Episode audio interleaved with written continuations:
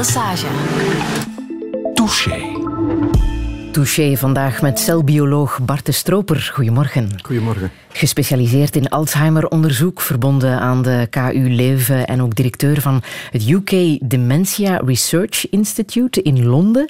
En ons vanmorgen bijna vergeten, want je bent zo net de studio binnengewandeld.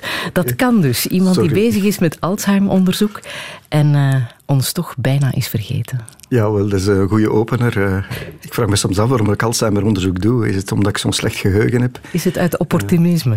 Uh, ja, een beetje. Hè. ik denk dat een goede wetenschapper altijd wat opportunist moet zijn. Ook. Je moet kijken wat er mogelijk is op een bepaald ogenblik. Of is een groot professor ook sowieso altijd een beetje verstrooid? Ja... Ik weet het niet. Ik durf dat zelf niet zeggen. Maar dus jij pendelt tussen Leuven en Londen. Ja. Dat is sowieso een druk bestaan, denk ik. En kan al eens een beetje chaotisch zijn. Ja, het is, uh, het is nog maar een paar jaar. Het is nu mijn derde jaar. Um, en ik ik zeg altijd, ik heb twee part-times die eigenlijk 40 uur duren. Dus uh, het is redelijk lastig. Ja, een druk leven. Ja. ja. Hoe zou jij jezelf omschrijven? Uh, ik weet niet, een doorbuiter. Uh, familieman, zou ik ook zeggen. Um, ja, hard werken, passioneel, uh, ambitieus ook. ik probeer ook vriendelijk te zijn. Dat is natuurlijk moeilijk te zeggen hoe dat andere mensen nu zien. omdat ik erg geloof in samenwerken en, en, en interactie. Ja. Een wereldautoriteit, mag ik dat ook zeggen? Ja, dat mogen de andere mensen zeggen, maar uh, ik weet niet goed wat dat betekent. Want je hebt een zeer sterke Hirsch-index. Dat is de index die bepaalt hoe hoog jij staat in uh, de rang van wetenschappers. Ja. En die Hirsch-index is 110? Ja, 110 of 112, ik weet het niet. Uh, dat verandert voortdurend. Hè. Dat is eigenlijk vooral een, een, een, ouderdomsindex. Want dus het geeft aan hoeveel keer dat uw publicaties geciteerd worden over de tijd. En uh, je moet dus een minimum. Het geeft aan hoeveel papers een minimum aantal keer geciteerd zijn over de tijd. Mm. En dus uh, hoe meer publicaties dat je hebt en hoe langer dat je rondloopt, hoe, meer, uh, hoe beter dat je H-index wordt. Oh, ik, ik, weet niet. Ik, ik, vind, ik vind dat eigenlijk een, een verschrikkelijk. Um, het is eigenlijk voor, voor de administratie, voor, voor de mensen die, die, die geen tijd hebben om zelf naar de wetenschap te kijken heeft, zijn er een heleboel performance-indicators uh, opgesteld. En om de zoveel jaar komen dan tot de conclusie dat je eigenlijk niet meet wat je wil meten. En dan uh, komt er weer iets anders in de mode. Dus de H-index bestond tien jaar geleden niet. Dat is nu zo wat het criterium om je te meten. maar ik, ik, ik denk eigenlijk... Zegt de ik, ik, vind dat zijn afgeleiden van het echte product. Uh, en dat is de wetenschap en, en, en de erkenning die je als wetenschapper krijgt. Uh, de inhoud van je publicatie is volgens mij veel, veel belangrijker. Ja, maar het zegt toch een beetje waar je ergens staat uh, tussen de wetenschappers wereldwijd. Ja, het ja. helpt omdat wij, wij gebruiken dat veel, want dat, dat, is niet alleen om te kijken wie dat er aan de top staat met die zaken, maar dat is ook dikwijls om mensen te recruteren of mensen te vergelijken met elkaar. Mm. Of, of bij, bij, bij bepaalde beurzen wordt daar ook heel sterk naar gekeken. Of om Nobelprijzen uit te reiken, bijvoorbeeld? Ja, misschien, maar ik hoop toch dat ze bij de Nobelprijs toch een klein beetje meer naar de inhoud kijken dan naar de cijfertjes. Een twintigtal patenten heb je ook op je Ja. naam, wat ook niet min is. Hè? Maar dat is, dat is eigenlijk dankzij het VIB, het Vlaams Instituut voor Biotechnologie, waar Ja. ik dus ook bij hoor. En dat u niet in de inleiding vermeld heeft. Maar En dat zeker die vermeldenswaardig zeer, is. zeer belangrijk is geweest. Eh, niet alleen voor mijn carrière, maar voor veel eh, Vlaamse biologische, medisch, plantengerichte wetenschappers. eh, zonder het VIB waren de meeste van ons in het buitenland, daar ben ik zeker van. En met dankzij dat VIB hebben wij hier wereldtoponderzoek. Ja. Vorig jaar heb je ook eh, de Deense Brain Prize gewonnen. Een zeer belangrijke prijs waar je ook bijzonder trots op bent. Waarom is die prijs zo belangrijk? Wel, ik bedoel, er zijn verschillende grote prijzen, hè, maar dus een, een prijs is een andere manier van, van erkenning. Eh, die wordt door je collega's gegeven, die wordt op inhoud gegeven, op, eh, op specifieke bevindingen. En ja, ik bedoel, ja, het is natuurlijk plezant hè, van zo'n erkenning te krijgen en, en er komt ook een, een mooie som geld mee. 250.000 euro. Ja. Wat heb je Dus- daarmee gedaan? Het staat voorlopig nog op mijn rekening. Ik ben eh, aan het kijken voor een huis in Londen. En eh, dan zal dat geld erop opgebruikt zijn. Dus niet voor onderzoek. Nee, dit is geen persoonlijke prijs. Eh, dus dat, is, dat zijn de belangrijkste prijzen eigenlijk. Omdat veel prijzen in de wetenschap zijn, zijn grants om je onderzoek te gaan doen. Ja. Maar dit, dit is dus een prijs van 1 miljoen euro. En die wordt dan verdeeld onder de prijswinnaars en zijn persoonlijke prijzen. Zoals de Nobel, Nobelprijs en, en, en die andere grote... Dan heb je nog... De, de andere grote prijs is uh, de Breakthrough-prijs. Dat is een heel groot bedrag. Dat wordt uh, in Californië uitgedeeld. Dat is 3,5 miljoen dollar. En dan de Nobelprijs is dat hangt af van het jaar tot jaar. Dat hangt af van de aandelen van de Nobel, uh, Nobelprijscomité. Maar dus die dus 600, 700, 800.000 euro. En dus de Brainprijs is een miljoen euro. Dus die staat in dezelfde league. Ja. Maar een dus- huis in Londen, daar wacht je nog even mee, afhankelijk van Brexit Door te wachten is het 100.000 eh, pond goedkoper geworden, een appartement dat ik naar aan het kijken was. Dus ik wacht nog een beetje. daar gaan we het zo meteen uh, ook wel nog over hebben. Hè. Um, uh, commandeur in de Leopoldsorde ben je ook geworden hè, ja, vorige zomer. Ja, goed onderzoek gedaan. ik ja. doe mijn onderzoek, u doet dat van u. ja. ja. Ja, dat klopt. Ja, dat is uh, uh, ook wel iets dat onverwacht op u komt. Ik krijg die brief thuis en, en mijn dochters uh, zagen dat en dachten van, wat is dat hier nu? Ze moesten ook wel een beetje lachen. en, um, en wat betekent het voor u? Wel, ik vind... Ik moet eerlijk zeggen... Wel, ik, ik, wil hier niet beginnen zagen en klagen, maar ik vind dat ze hier in België toch wel... wel wel, wel ik moet daar wat mee opletten. Maar, dus ik vind het eigenlijk wel plezant van in uw eigen land een erkenning te krijgen. En het was wel wat grappig, want er stond bij voor de verdiensten aan het vaderland. voor de rest stond er niets bij. Ik dacht van, wat is nu mijn verdienste geweest? Uh, waarom hebben ze mij gepikt? Maar dus ja, ik vond dat wel fijn. Ja. Ja, die verdiensten aan het vaderland die je nu even in Engeland vooral aan het... Uh... Ja, maar wetenschap is internationaal. En op dit ogenblik eigenlijk... Um, wat ze dus ook hier in Leuven en, en, en aan het VEB wel eisten, als ik dus probeerde mijn labo hier in stand te houden, dat er ook voor hun een meerwaarde zou zijn in de interactie. En, en ik moet eigenlijk zeggen dat het nog beter gaat dan dat ik gedacht had. We hebben dus nu dit jaar alleen al drie meetings uh, met de Engelse en met Leuven en dan met Duitsland. Met TZNE, een ander groot centrum voor dementieonderzoek. Uh, we hebben al een aantal projecten tezamen. En, en ik denk eigenlijk dat het nog gaat toenemen in de volgende jaren. Ook omdat we zijn terug in de brexit, maar dat, ik ga er niet te veel over spreken. Maar omdat die um, Engelse universiteiten ook wel heel, heel geïnteresseerd zijn om de interactie met Europa in stand te houden. En dus ik speel daar mijn rol in als bruggenbouwer. Stof genoeg om over te praten. Bart de Stroper, welkom in Touché. Radio 1. 1. Friedel Massage. Touché.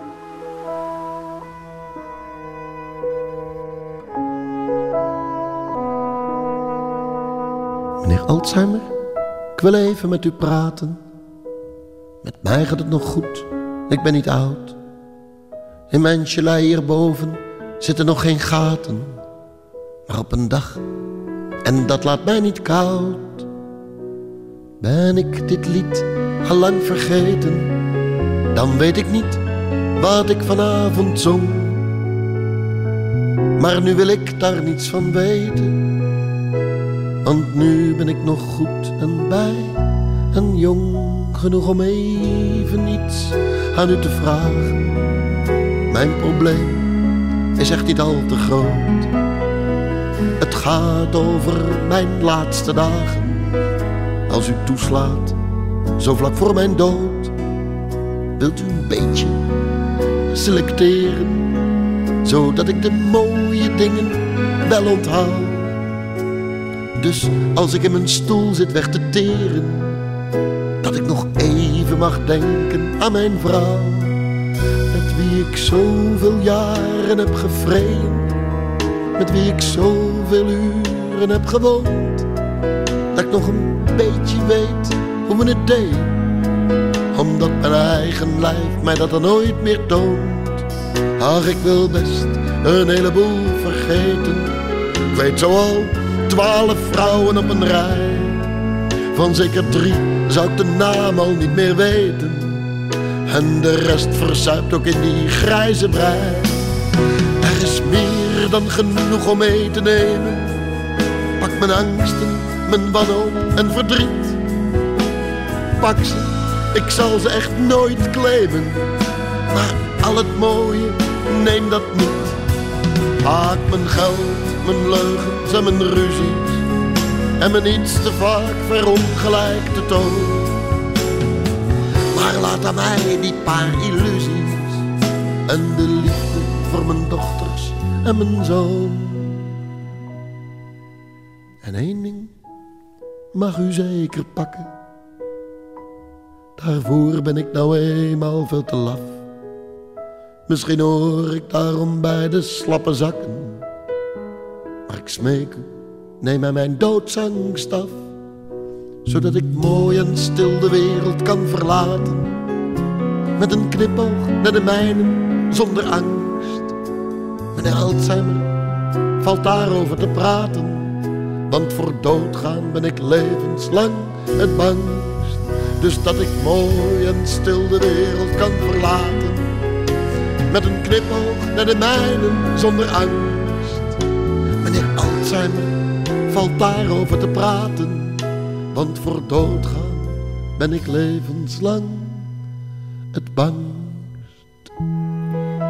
Joep van het Hek in gesprek met meneer Alzheimer. Bart de Stroper, is het herkenbaar wat hij, uh, wat ja, hij zingt? Wel, um, ja, absoluut. Uh, ik denk daar ook dikwijls over. Ik ben, ben soms ook in gesprek met, uh, met Alzheimer op deze manier.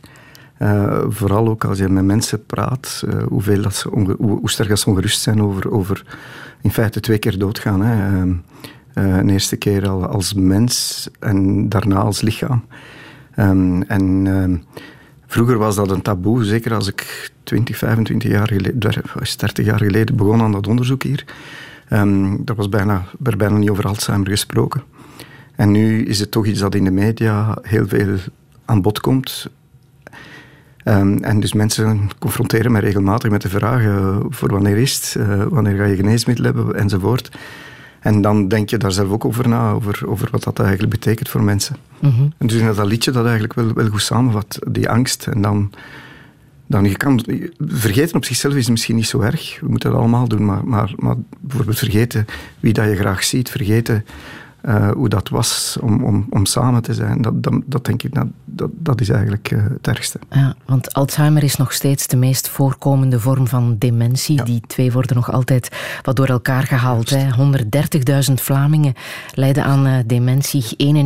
91.000 daarvan hebben Alzheimer. Uh, de ziekte is genoemd naar een Duitse arts, ja. Alois Alzheimer, ja. die in 1906 de eerste was die iets heeft uh, ontdekt. Wat uh, heeft hij ja. precies ontdekt? Dat is een interessant stukje geschiedenis eigenlijk, want ehm, dat toont u ook aan hoe, dat, hoe dat de zaken gemonopoliseerd worden. Want op hetzelfde ogenblik was er ook een Fischer, een zekere uh, dokter Fischer in, in Praag, die ook die ziekte aan het beschrijven was en die tegelijk gepubliceerd heeft met Alois Alzheimer.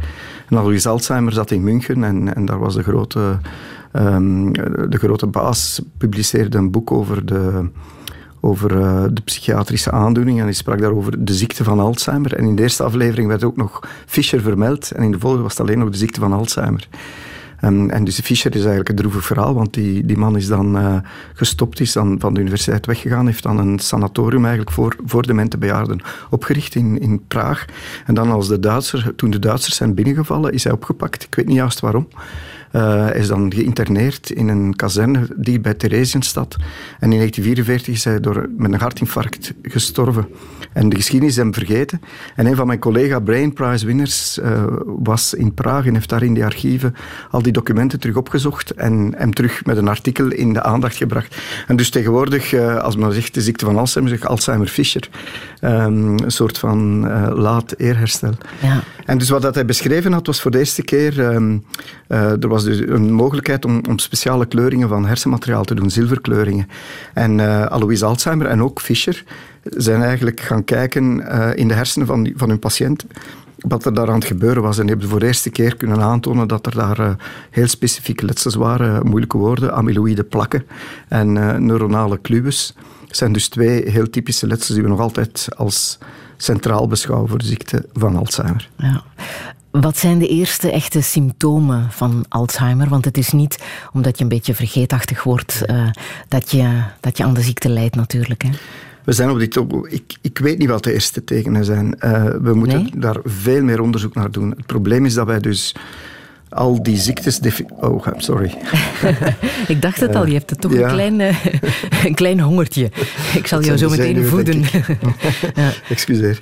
Um, maar dus um, de... Um, ben ik eventjes mijn draad kwijt. Um, ja, de eerste symptomen, dat is eigenlijk de belangrijkste vraag die we ons moeten stellen. Um, wij, kijken nu naar al die ziektes in het eindstadium en iedereen heeft daar zo een, beeld van, van dementie en zware aftakeling. Uh, maar die ziekte start eigenlijk al 30 jaar voordat we die tekens hebben. En ik denk dat we naar andere ziekten moeten kijken, bijvoorbeeld kanker, waar dat we ook weten dat het heel stilletjes begint en de symptomen zijn heel onduidelijk. En dus je moet heel attent zijn om die te zien. En als je op dat moment ingrijpt, kan je eigenlijk heel veel uh, miserie voorkomen.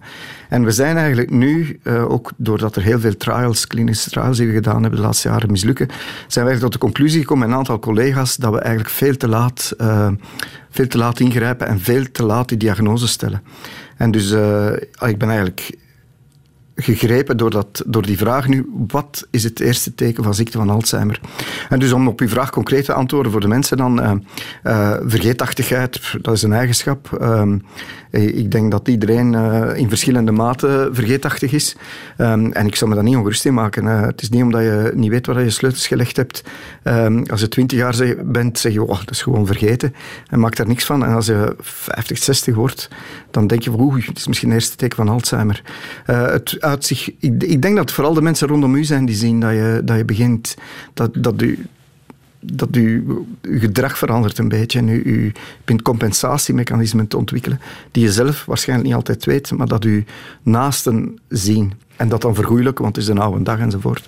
Mm um, dat zijn waarschijnlijk de eerste tekenen dat je als, als patiënt of als, als, als, um, uh, als partner uh, ziet. Ja. En als een arts dat ook mee kan vaststellen via klinisch onderzoek. Ja, hè. maar dan zitten we eigenlijk al een stap verder. Hè. Mm -hmm. uh, de testen die we nu hebben voor het geheugen en, uh, en, de hersenen zijn eigenlijk nog altijd vrij primitief. En dan doe je dus een aantal oefeningen, een aantal handelingen, een aantal interview. En dan krijg je een soort score. En als je dan onder een bepaald niveau van die score zit, dan, dan word je gedefinieerd als, als Alzheimer. En dan volg je verder die, uh, die score. En als die achteruit gaat, dan spreek je eigenlijk echt van Alzheimer. Ja, maar merk je dan in het onderzoek dat bepaalde mensen meer kans maken op uh, Alzheimer dan, dan anderen? Wel, we weten dat een groot stuk van de ziekte van Alzheimer genetisch gedefinieerd is.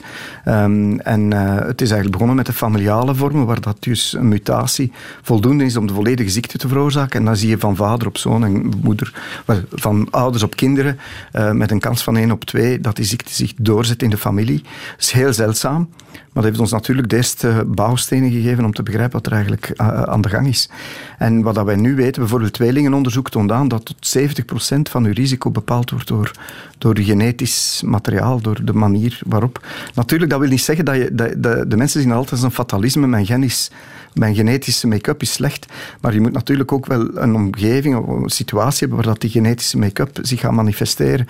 Bijvoorbeeld de oude dag is daarvan. Natuurlijk verouderen is een manier om die slechte genen in dat geval, um, uh, uh, tot, tot uiting te laten komen. En om het een beetje beter uit te leggen, bijvoorbeeld een muzikant, iemand die uh, fantastische aanleg heeft om muziek te spelen. Dat is ook verschillende genen die daartussen komen. Als die nooit geconfronteerd wordt met muziek, als die nooit een opleiding krijgt, als die geen kansen krijgt, dan, gaat hij dat niet manifesteren. En dus mijn ziekterisico is dat ook zo. Nu, het probleem is dat de belangrijkste uh, omgevingsfactor, zou ik zeggen, uh, voor, voor deze ziekte oude, de oude dag is. En omdat we dus natuurlijk ouder en ouder worden, um, begint meer en meer mensen die die genetische make-up hebben, zich ook met die ziekte te manifesteren. Vroeger werd dat, was dat niet duidelijk, omdat de mensen stierven aan andere zaken. Ja, maar vrouwen bijvoorbeeld maken meer kans. Uh, mensen die een hersenletsel hebben gehad tijdens hun Klopt, leven. Klopt, dat zijn dus een aantal omgevingsfactoren die ja. meespelen. Hè. Dus uh, we weten ook nu meer en meer dat het cardiovasculair systeem enorm belangrijk is. Dus hart- en bloedvaten. Um, voor, de, voor de vrouwen is een beetje een raadsel. Um, um, uh, men heeft al verschillende hormonen proefbehandelingen gedaan, maar dat heeft met hormonen te maken. Maar er is geen enkele aanduiding dat dat eigenlijk uh, definieert is. We weten eigenlijk niet goed waarom dat er meer vrouwen zijn met de ziekte van Alzheimer. Um, het is ook niet zo dat het een enorm verschil is. Hè. Uh, is een paar, 10, 15 procent of zo. Dus het is niet, niet een massief verschil. Uh, je kunt daar, maar je kunt er allerlei verhalen over gaan ontwikkelen en hypotheses. Maar, ik denk maar helpt het om gezond te leven? Zonder twijfel. Op onze voeding te letten, alcohol niet te overdreven tot ons te nemen, sudokus in te vullen. Zijn dat dingen die helpen? Ja, wel, het gezond verstand zegt van ja, de wetenschap heeft niet veel, niet veel, veel aanduiding. Ik denk, iedereen denkt altijd dat je met eten alles, alles kunt regelen enzovoort. Uh, ik denk dat, dat, dat het veel mensen hun, hun, hun eten uh, Uh, er is heel weinig evidentie van um, buiten een algemene gezonde afwisselende voeding. Um, ik vind dat er daar heel veel fake news over wordt ontwikkeld. Uh, En een paar procenten meer risico gecorreleerd aan een bepaald soort voeding. Ik geloof daar gewoon niet in.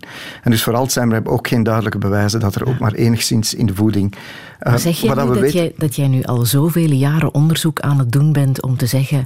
We weten nog altijd zo ontzettend weinig? Dat is een feit. Uh, dat is een feit. Uh, maar ik wil echt wel twee boodschappen geven. Want uh, ik, ik heb dus de laatste drie decades eigenlijk het, wetenschappelijk onderzoek zien vooruitgaan. En we weten enorm veel meer over de ziekte van Alzheimer dan vroeger. Um, maar, maar daarmee, wel, kankeronderzoek is eigenlijk 40 jaar geleden gestart met, met de War on Cancer. Um, en dus daar, als we gewoon naar de publicaties kijken, is er vorig jaar zijn er ongeveer 170.000 publicaties verschenen over kanker. En als je het totaal aantal publicaties over dementie neemt, hebben we evenveel. Dus over een eeuw is er ongeveer evenveel gepubliceerd als in één jaar over kanker. Dus om, om ergens, ergens... Of bijvoorbeeld over aids, waar we dus geneesmiddelen hebben, is er twee keer meer gepubliceerd dan over, over Alzheimer. Dus we weten veel meer en het gaat op dit ogenblik zeer goed. We gaan exponentieel vooruit. Maar uh, voordat we over ziekte met medicatie kunnen spreken, denk ik dat we nog, toch nog een jaar of vijf of tien uh, dat, dat gebrek aan kennis moeten opvullen. Thank you.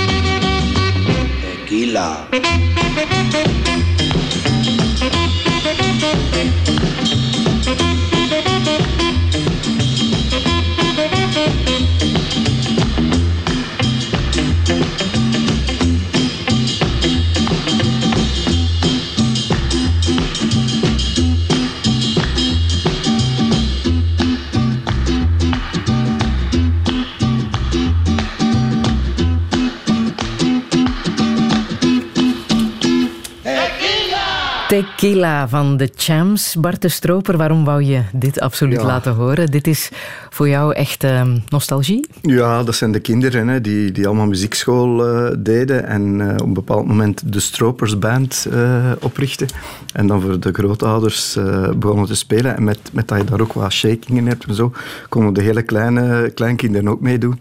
En ik denk dat nog altijd een van mijn mooiste herinneringen is van mijn leven. Ja, en dat was voor jouw dat was op weekend, Ja, voor mijn ouders. Hè, voor de ja. grootouders um, waren op weekend en het was verjaardag van de bompa of zoiets, ik weet het niet meer. Ja. En dan hadden ze dat ineengestoken. Dat was echt geweldig. Ja. En... Er zijn er een paar die heel goed muziek spelen en dan ook de kleinere die dat wat minder konden. En dat was zo echt een mooie... Ja, ik denk dat dat ook voor mijn ouders een geweldige ervaring was. Wat hebben zij jou meegegeven? Mijn ouders? Ja. Ja, veel. Ehm, maar ik denk dat dat met, met, iedereen is die een goed gezin heeft.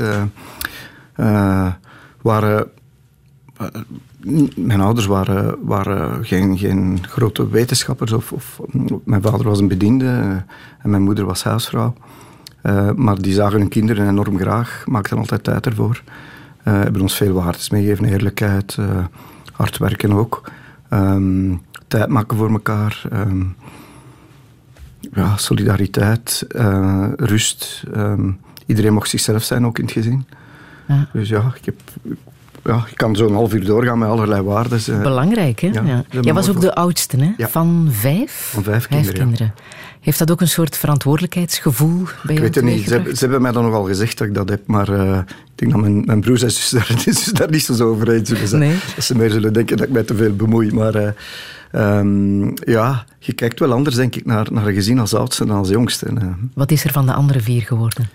Oh, ze hebben het allemaal vrij goed gedaan. Uh, uh, mijn broer is, heeft eigenlijk een bedrijf opgericht dat vrij succesvol is. Um, mijn uh, oudste zus heeft eigenlijk veel gereisd. Heeft een, op verschillende plaatsen in de wereld bed and breakfast gedaan. Veel gezien. Um, um, dan mijn andere zus is een lerares Germaanse. En dan uh, mijn jongste zus, uh, die, heeft de, die, die is ook ondernemer. Die heeft in de sociale sector is een pedagoog en heeft dan een, um, een nieuwe crash opgericht. waarbij, dat er dus een, waarbij dus ook gehandicapte kinderen samen, gezonde kinderen, samen worden opgevangen. En, en, en ze doen daar heel veel rond. Het is eigenlijk fantastisch. En wat wou jij zelf graag worden, later als je groot zou zijn? Visser. Ah, wat bedoel je? Als, ik groot kind was, professor. Ja, ja. Ah, sowieso professor. professor. Ja, ik, ik weet niet waarom. En dan, in de middelbaar ben ik dat dan wat verloren. En uh, uh, dan ben ik geneeskunde beginnen doen. En natuurlijk niet met de bedoeling van wetenschappelijk onderzoek. Ik wist eigenlijk niet wat wetenschappelijk onderzoek was. Um, en dan uh, op het laatste van mijn het laatste jaar voelde ik me toch ook niet zo thuis in het ziekenhuis. En dan heb ik op een bepaald moment beginnen kijken bij de echte onderzoekers, wat dat die deden. En, en dan dacht ik van, dat is misschien wel wat ik wil doen. En ik ben dan in het labo binnengestapt en ik heb nooit meer omgekeken. Hebben boeken ook geholpen om uh, die keuze te maken? Ja, ik las enorm veel boeken. Ja? Ja, alles. Zo, zo die kinderencyclopedies en alles. Uh, mijn ouders kunnen daar nog wel over vertellen. Ja, wat voor boeken hebben jou dan meegeholpen om die keuzes te maken? ik weet niet of ze mij echt geholpen hebben. Omdat ik, ik zeg het, ik ben er eigenlijk uh, maar pas laat ingesukkeld. Uh, per toeval bijna. Of per geluk. Maar ik las van alles. Hè. Ik, ja, me zo... Ik heb alles gelezen. Als kind, uh, Old Shatterhand, al die, die boeken van Karl May... Pietje Puk ervoor, alles ik las alles wat ik, wat ik onder handen kreeg. En dan later uh, las ik dan al de klassiekers, Tolstoy en, en, en ja, ik kan... Uh, ik las veel over Chinese uh, geschiedenis in het laatste jaar van mijn humaniora. Um, ik heb Steurig volledig twee keer gelezen, gewoon gelezen filosofische overzicht van, van abstract, dat is echt, de filosofen ze vinden dat waarschijnlijk niks, maar voor mij, ik was toen 16 of 17. Dus, ja, ja. En dan geneeskunde gaan studeren en in het labo terechtgekomen met de bedoeling om dan nee, Alzheimer-onderzoek allemaal te gaan veel, doen? Veel minder... Uh, veel, als ik, toen ik in het labo terechtgekomen was bij, bij Jean-Jacques Cassiman uh, en bij Herman van den Bergen, um, ik wou gewoon onderzoek doen. En dan ben ik op een zeer, zeer fundamenteel onderzoeksonderwerp beginnen werken. Um, en ja, ik ga dat niet uitleggen. En dan na vier, vijf jaar, ik deed dat graag. Ik was niet succesvol. Uh, het ging niet goed en, en, en experimenten werkten niet zo goed en, enzovoort. En ik moest alles leren eigenlijk. Maar na een jaar of vijf wou ik toch nog altijd verder doen. En iedereen zei van, je bent gek, want uh, geneeskunde, je kunt uh, internist worden of whatever. En ik, vond, ik deed dit veel liever. En dan um, uh, dacht ik van, ik moet wat slimmer zijn, want echt het basisonderzoek, dat is goed voor iemand die biologie of chemie gedaan heeft. Uh, die heeft veel meer achtergrond om, om, om op die vragen in te gaan. Ik moet iets doen met geneeskunde. En dan ben ik binnen rondlopen. De eerste verdachte was kanker. En dan de tweede verdachte, uh, Fred van Leuven, zei van, zou je niet op de ziekte van Alzheimer werken? En ja, dan ben ik daarover beginnen lezen en dacht van, dat is een fantastisch idee om dat te doen. Jij noemt dat verdachte. De, ja, usual suspects. Een beetje, uh, het is, ik bedoel, iedere jonge vrouw of man die in biologisch onderzoek wil gaan en denkt van een carrière uit te bouwen, dondert bijna vanzelf in het kankeronderzoek, omdat er zoveel mogelijkheden zijn, zoveel geld. En dus daarom zeg ik dat, dat was toen al. En dan uh, Alzheimer was, ik weet wel, in mijn, in mijn cursus was dat één bladzijde. Hè. In geneeskunde hebben wij één bladzijde voor ziekte van Alzheimer gekregen in die tijd. Aha. Terwijl dat nu een serieus hoofdstuk is. En dus uh, dat was onontgonnen terrein. Het eerste congres waar ik naartoe ging waren 200 man. Nu zijn er 3.000, 4.000. Hmm.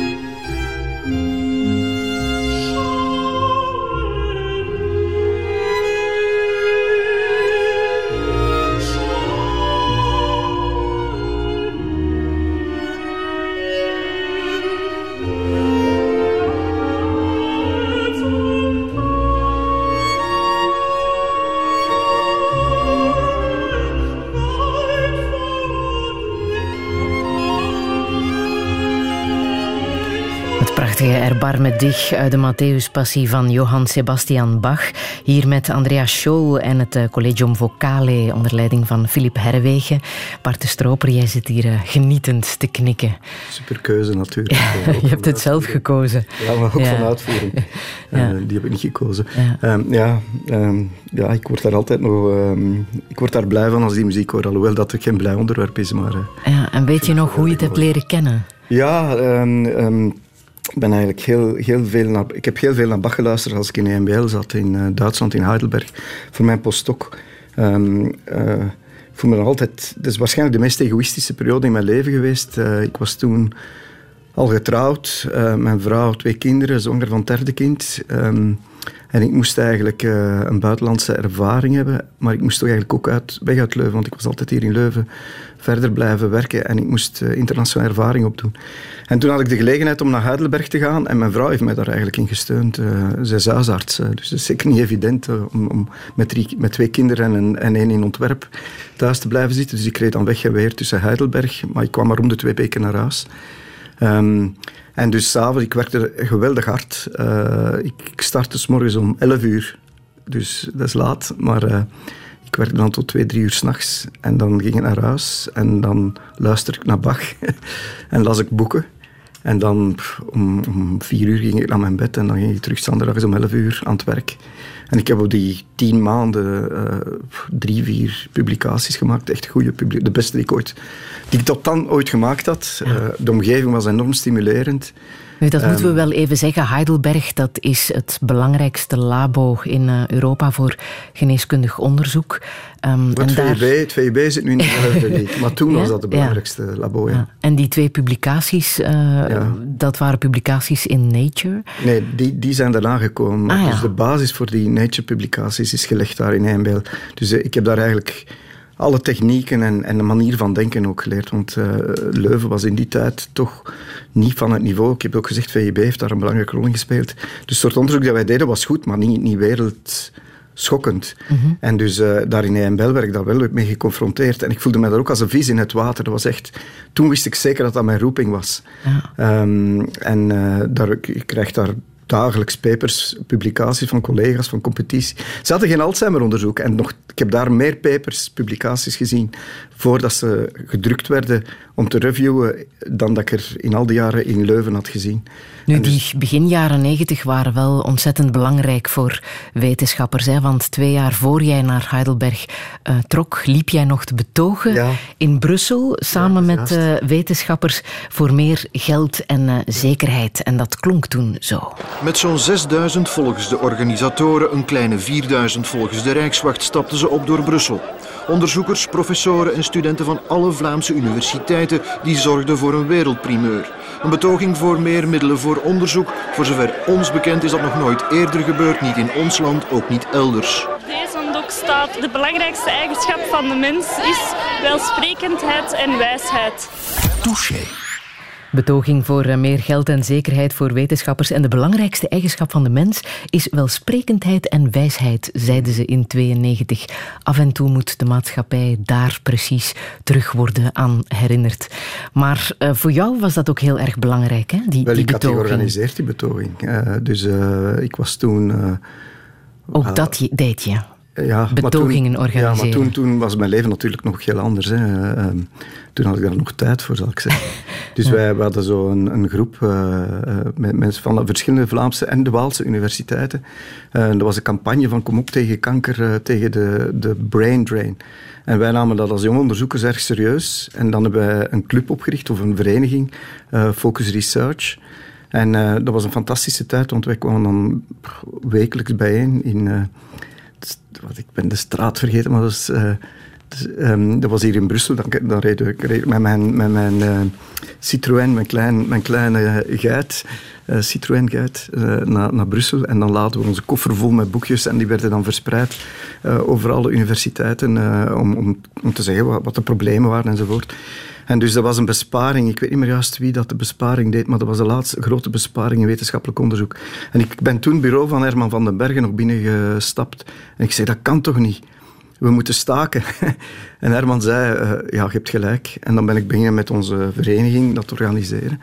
Ik ben dan toen in alle departementen gaan spreken en aan de andere universiteiten met collega's. En het heeft wat opgeleverd. Het heeft, het het heeft een, een, geweldige... Geweld, het heeft nog altijd, uh, het heeft nog altijd zijn, zijn weerslag. Um, dus Vlaanderen is toen uh, beginnen uh, investeren in wetenschappelijk onderzoek, onder andere in, um, in uh, het VIB.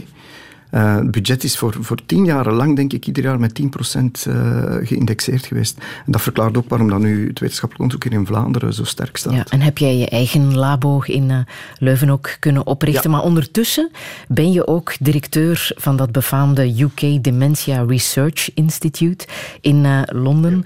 Ja. Um, drie jaar geleden ben je daarvoor aangesproken.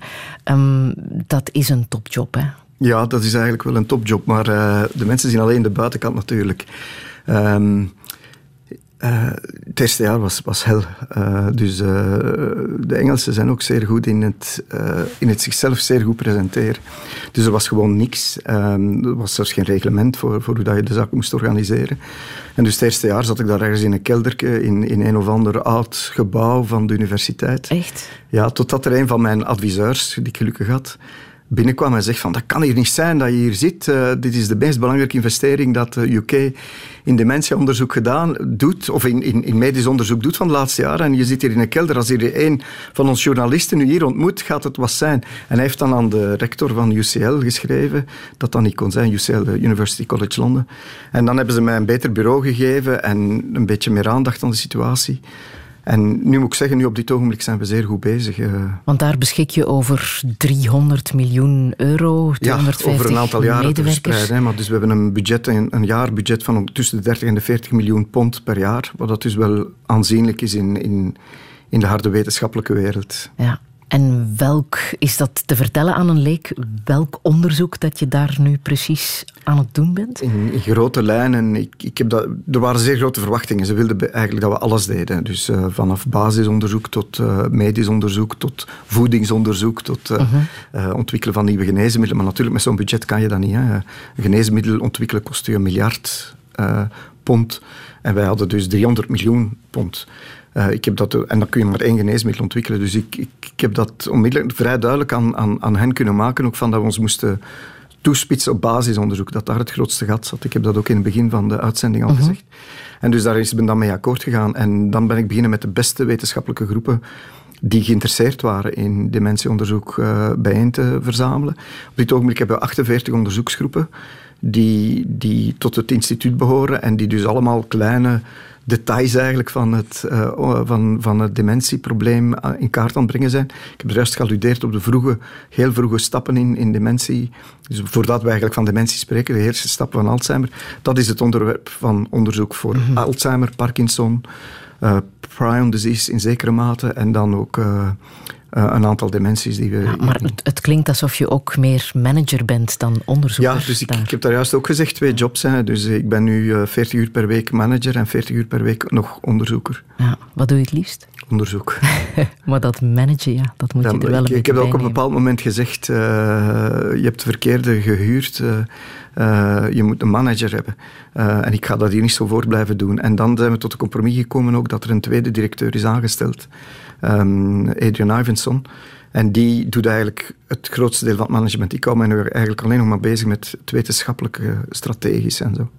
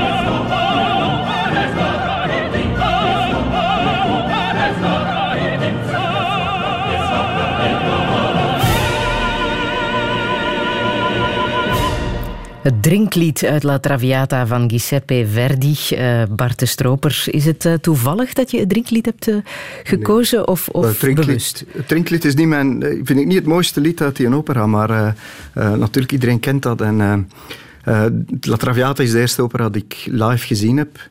Uh, dat was uh, via de achterpoort. Uh, Gerard Mortier wou extra middelen voor, voor, voor een of ander, ik weet het niet meer.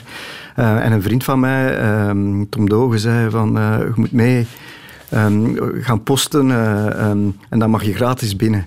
En ik was dan meegegaan en dan gaven we daar op het muntplein uh, die formulieren al, die, al dat chic volk, um, die daar niet altijd mee gediend was trouwens. En dan, um, uh, dan juist voor de voorstelling begon, deden ze de deur open en mochten wij binnen met een tien of vijftien studenten die dat, dat, dat hadden uitgedeeld en mochten we op de trappen gaan zitten um, op, op het gelijkvloer, dus op de parterre. en dan heb ik daar dus die opera kunnen zien en ik was daar gans van ondersteboven. en ik denk dat dat eigenlijk veel zegt over Gerard Mortier ook, want later hebben we dan zo'n studentenabonnement kunnen kopen. Dat was eigenlijk voor, voor heel weinig geld.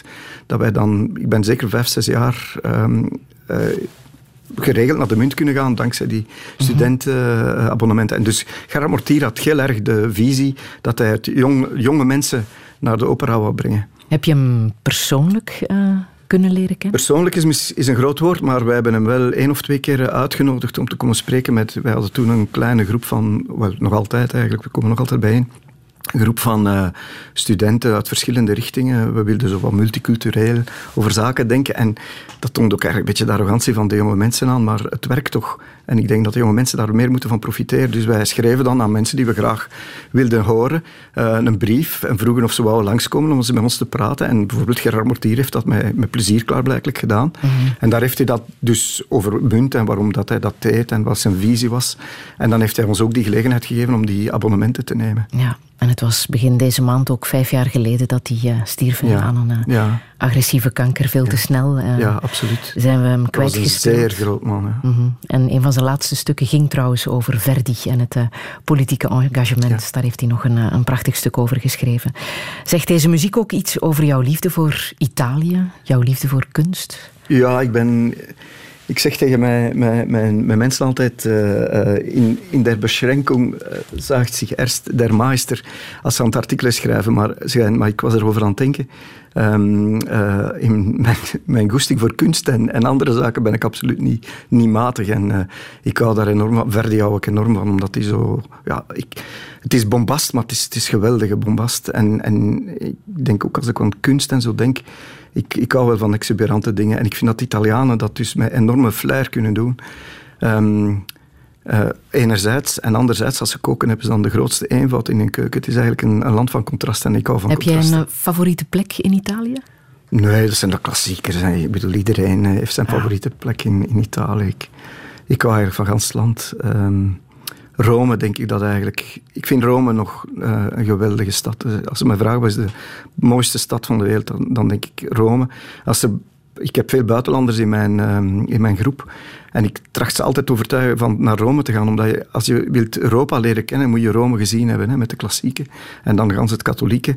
Die twee, de, de Romeinen en de, de katholieke pausen en, en, en, en hun ideeën, hebben eigenlijk gans Europa bepaald. Zelfs nu nog de Europese Unie bouwt nog altijd verder op, op die waardes. En ik denk dat het is voor, voor Aziaten, als ze willen Europa begrijpen, dan moeten ze eerst naar Rome gaan. Is dat de reden waarom jij ook verslaafd bent of was aan het computerspelletje Caesar? Nee, dat was gewoon toevallig. Want daarin moet je een Romeinse stad opbouwen. Hè? Ja, ben je nog ja. altijd verslaafd of, ja, of ben je ervan afgekikt? Echt? Ja, ik was echt... Ik, ik zat soms tot drie uur uh, op de computer. Dan moest ik om acht uur terug naar het labo. En, en, en ik kon dan, dat was in de tijd dat ik al terug thuis was, dus ik kon me niet permitteren van, uh, van dan tot elf uur in mijn bed te blijven liggen. Maar misschien is dat goed voor je brein, om dat wat te trainen, ik, of, denk, of, niet? Ik ben blij dat ik het kapot geknipt heb, hoewel dat mijn kinderen kwaad zijn. uh, maar, maar, is zoiets goed, of, of is interesse in, in cultuur, in, in je visuele prikkels, uh, is, dat, is dat goed voor je hersenen? Wel, we zijn hier buiten het wetenschappelijke aan het gaan, maar ik denk dat dus wel. Hè, omdat de hersenen, wat, wat is dat eigenlijk? Dat is een, een, een enorm plastisch orgaan dat groeit en krimpt en, teruggroeit um, door, uh, door concrete interacties met de omgeving. En dus de visuele prikkel wordt omgezet in signalen, doet die hersencellen op een andere manier met elkaar samenwerken. Ik, hoe ouder dat ik word, hoe, meer dat ik gefascineerd ben van, van van eigenlijk bouwen we in onze hersenen een, een, spiegelbeeld van, van de werkelijkheid, van al onze omgeving, um, ervaringen. En dus uh, ik denk dat dat stimuleren, dat dat geen kwaad kan. Duiken, is dat ook goed voor, uh, ja, voor de hersenen? dat is een van mijn late passies geworden. En uh, ik ben nog altijd, ik weet niet hoe dankbaar dat ik dat heb kunnen leren. Um, ik was toen al 52, denk ik. Um, en ik had een uitnodiging gekregen om um, op een eiland op de de, de, de Great Barrier Reef uh, op een, congres. Dus af en toe hebben we wel echt uh, uitzonderlijke uh, momenten. Dat is, dat is typisch dan een, een, een, een, niet luxueuze plaats, omdat het door wetenschappers wordt uitgebaat voor observaties. Maar we hadden daar dus, ik had een uitnodiging gekregen en dacht van ja, maar de Great Barrier Reef, dat wil ik absoluut zien. En toen dacht ik, ik moet duikles volgen. En dan heb ik duikles gevolgd. En dankzij een fantastische leraar in Leuven, als de mensen uh, uh, willen gerefereerd worden, dat gaan met alle plezier doen. Um, um, hebben wij eigenlijk op vrij korte tijd voldoende les kunnen krijgen om te duiken. En uh, mijn vrouw en ik. En dan hebben we daar voor de eerste keer gaan duiken. Ah. En sindsdien uh, zijn dat de mooiste reizen die we maken. En de prachtige visuele prikkels, denk ik. Ah, het is ongelooflijk. Ja. Maar het is niet alleen visueel, je bent ook gewichtloos. Uh, het is ah. geweldig. Ah. Ik heb nog heel even muziek uit Interstellar. Ja. Um, een van jouw favoriete films, science fiction. Is dat ook goed voor de hersenen? Ik weet het niet. Uh, in de werkelijkheid te wanen. Af en toe is er zo'n film waar je dan echt van ondersteboven geraakt. En dat is er een van. Uh, ja. Ik denk dat hij deels mij prikkelt door, uh, door het wetenschappelijke. het is natuurlijk dromer geweest. Ah, het, is, het, is, science fiction. Um, en dan ook de muziek is, is, is, fantastisch in die film. Film, filmmuziek van Hans Zimmer. Ja.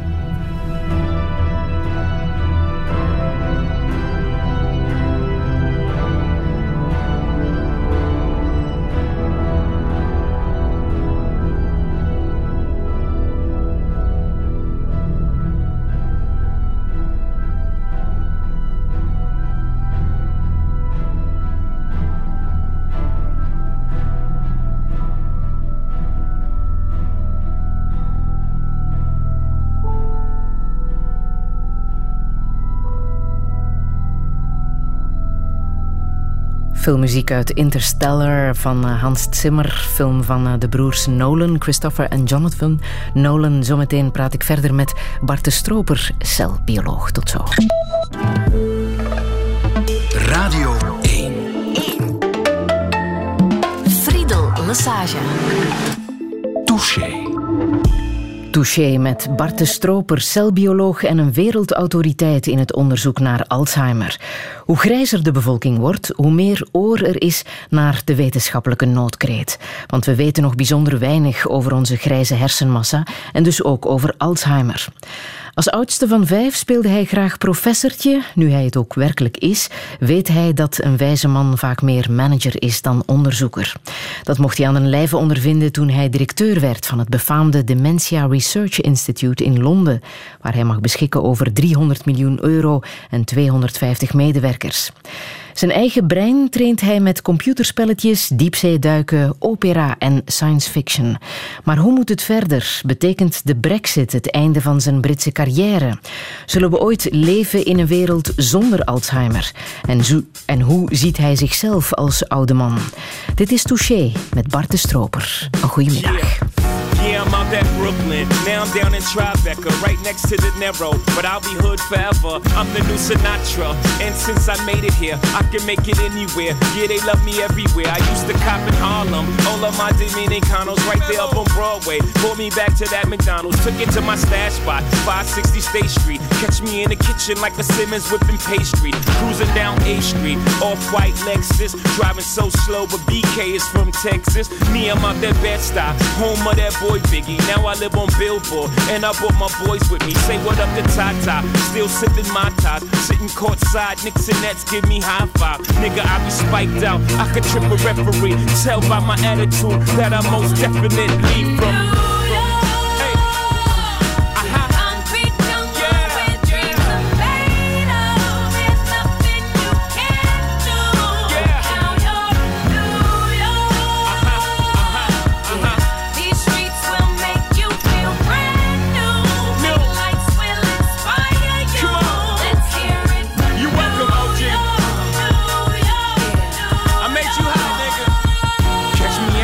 With OG at a Yankee game. Shit, I made the Yankee hat more famous than a Yankee can. You should know I bleed blue, but I ain't a crypto. But I got a gang of niggas walking with my click though. Welcome to the melting pot. Corners where we selling rock. Africa been by the shit. Home of the hip hop. Yellow cap, gypsy cap, dollar cap, holla back. For foreigners, it ain't fair. They act like they forgot how to act. Eight million stories out there in the naked city. It's a pity half of y'all won't make it. Me, I got a plug special ed, I got it made. If Jesus paying LeBron, I'm paying Dwayne Wade. Three dice CeeLo, three card Marley. Labor Day parade, rest in peace Bob Marley. Statue of Liberty, long live the World Trade, long live the King, yo. I'm from the Empire State. That's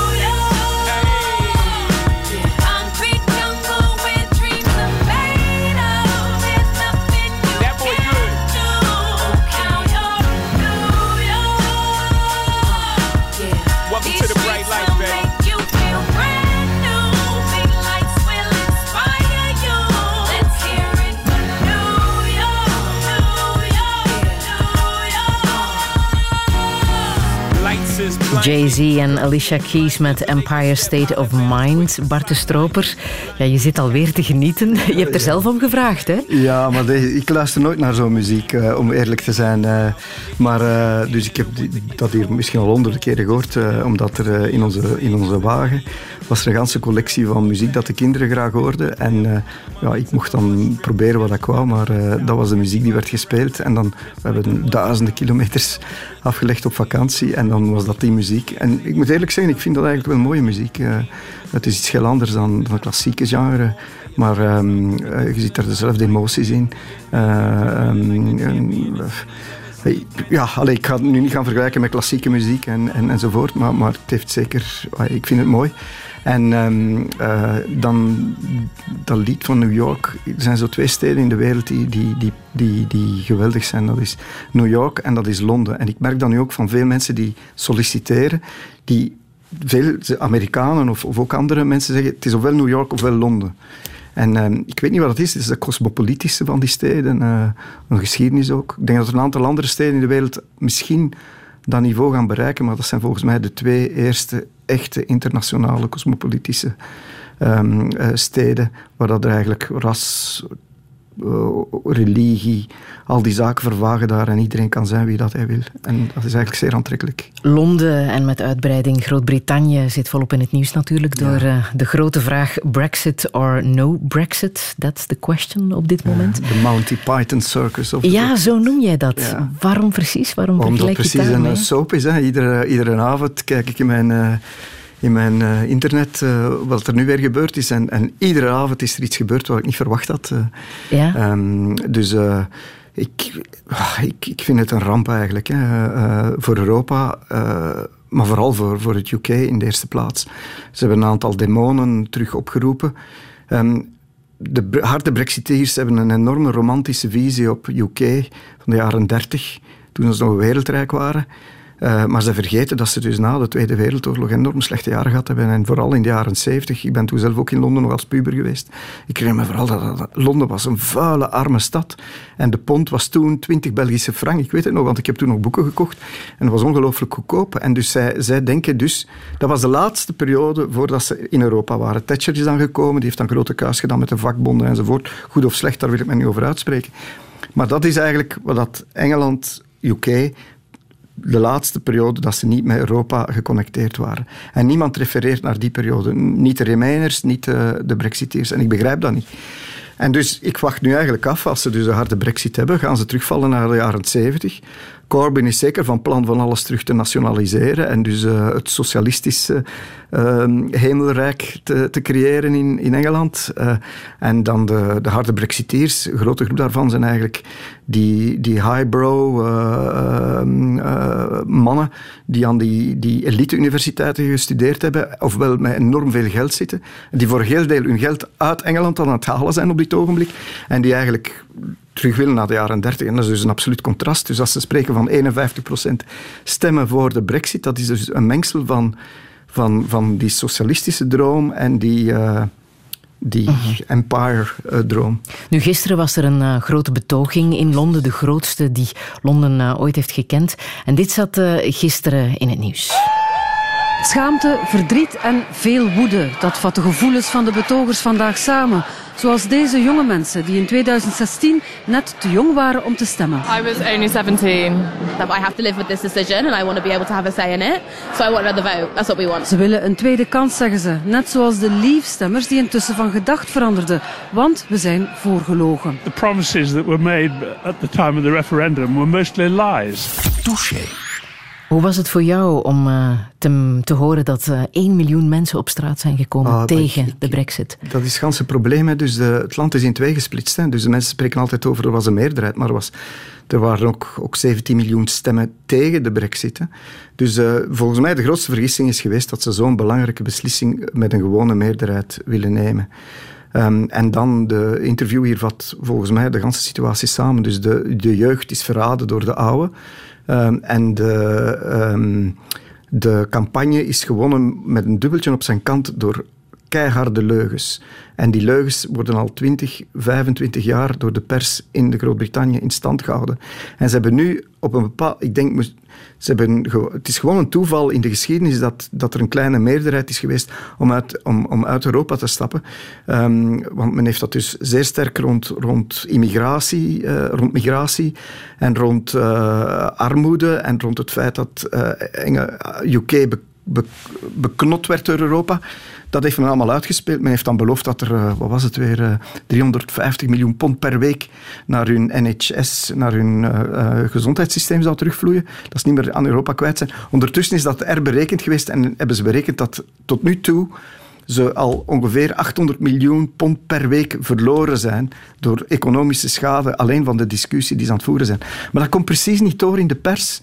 Um, en vier vijfde van die pers wordt eigenlijk gecontroleerd door een aantal superrijke uh, excentrieke Engelsen die, die op eilandjes leven of die, die hun kapitaal buiten Engeland hebben gebracht en die eigenlijk beslissen wat er in die kranten komt. Uh, het is eigenlijk zeer, zeer eigenaardig. De journalisten vallen ook over elkaar heen om uit te leggen wat de mogelijke consequenties uh, zouden zijn in, in het geval van een, van een uh, brexit als of je de no Guardian brexit. of de Independent leest, ja, maar als, je, als je alle andere kranten leest, de Sun of, of de Daily Mail of whatever, dan leggen zij vooral uit dat Europa eigenlijk het enorm vals speelt en dat het echt niet fair is, dat ze geen betere deal krijgen en dat Europa hun wil straffen enzovoort. Wat betekent het concreet voor uh, het instituut waar, waar jij directeur bent? Ik ben, uh... ik ben onzeker. Um, het grootste probleem is niet de, de 300 miljoen pond die is er. Dus we gaan het kunnen opstarten en bewerken voort. Um, het eerste probleem is een maar het heeft nog niet erg sterk gewerkt, is uh, dat internationale recrutering moeilijker gaat worden. Ik zie dat wel, dat, dat, dat de keuze voor Engeland bij studenten en bij onderzoekers aan het afkoelen is. Uh, maar wij hebben daar op, op dit ogenblik, waarschijnlijk omdat er heel veel nieuw is aan ons instituut, nog niet zoveel last van gehad. Maar het tweede probleem is voor mij vooral langere termijn, want binnen drie jaar moet ik terugkomen met resultaten en moet ik voor meer geld vragen. En als dat land in volle economische crisis is, dan gaat er geen geld zijn. En dan gaat hun ambitie om het topinstituut in de wereld te worden niet kunnen gerealiseerd worden. En dat is iets wat ik dus nu in de volgende, volgende maanden uh, moet doorkrijgen. En, en ik ga moeten beginnen lobbyen om te zorgen dat ze dan zeggen van oké, okay, dat gaan we blijven bewaren of zo. Ik weet het nog niet goed mm. dat we dat gaan doen. Maar dus het grootste probleem op dit ogenblik is de enorme onzekerheid. Hè. Wat gaat er nu gebeuren eigenlijk? Is er een mogelijkheid, want jij zit daar als Belg in dat instituut, dat jij gewoon in Leuven uh, terugkeert Ik heb en, enorme- en daar jouw expertise voluit Ja, inzet? maar dus daar zit natuurlijk een leeftijdsgrens op. Hè. Dus uh, dat is een van de redenen ook waarom dat ik dat uh, aanbod in UCL wel aantrekkelijk vond, omdat je daar kan doorgaan tot je 70, 75. Um, terwijl dat je in Leuven uh, van binnen een jaar of twee mag ik geen garantie meer aanvragen, want je moet dus nog kunnen blijven werken. De grant loopt voor vier jaar en als je 63 bent, op 65 moet je stoppen.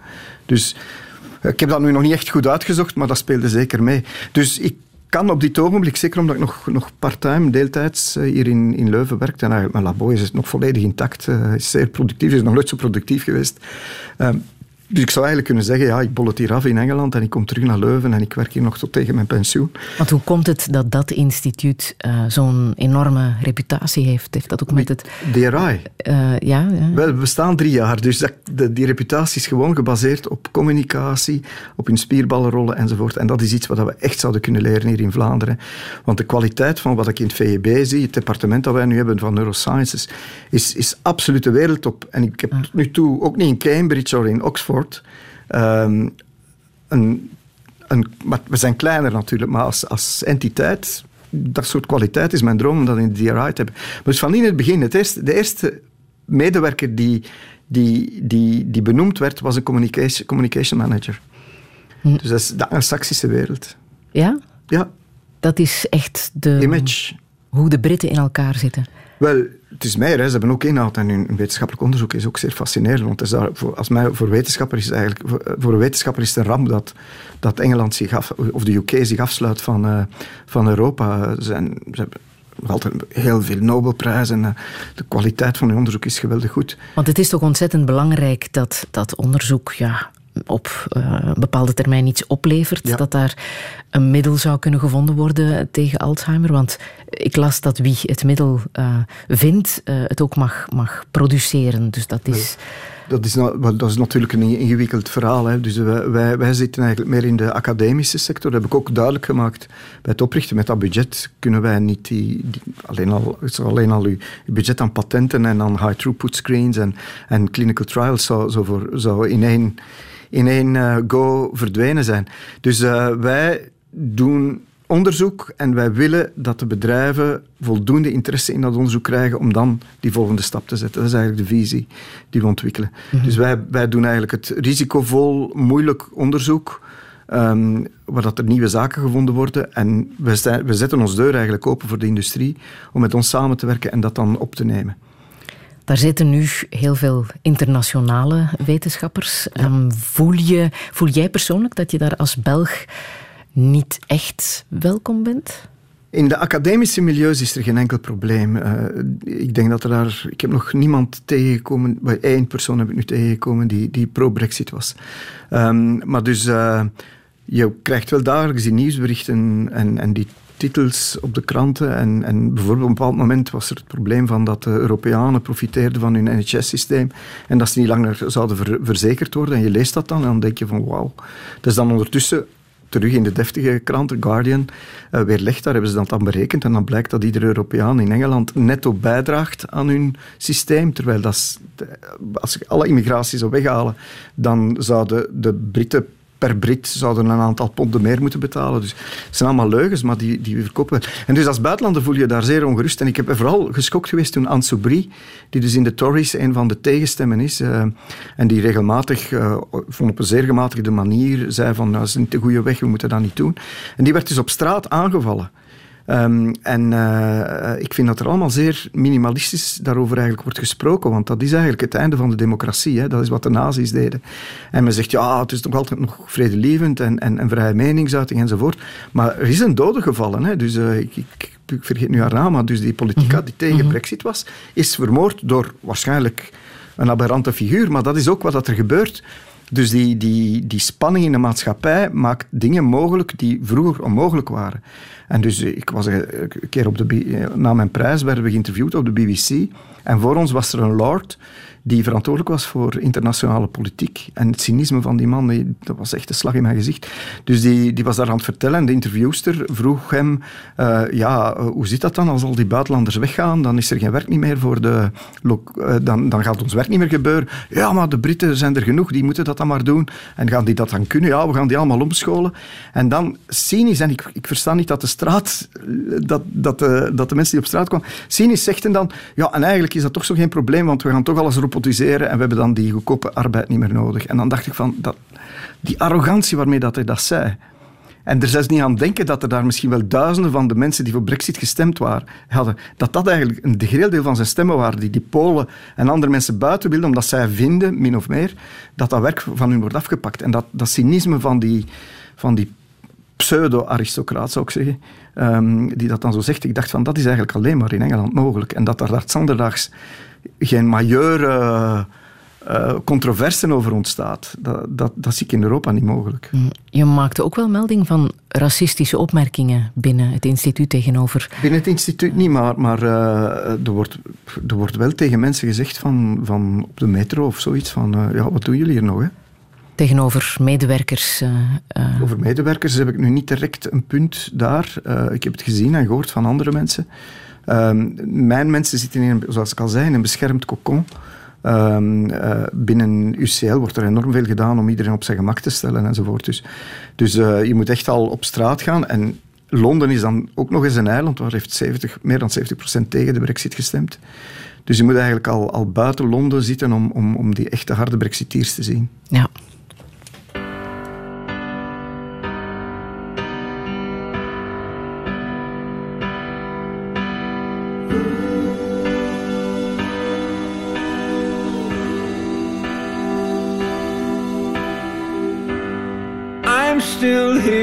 I'm gone. I don't play guitar or sing my songs.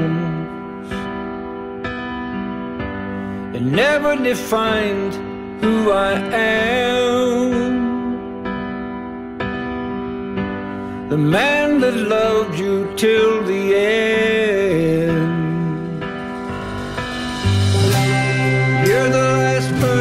I will love. You're the last I will recall. And best of all, I'm not gonna miss you.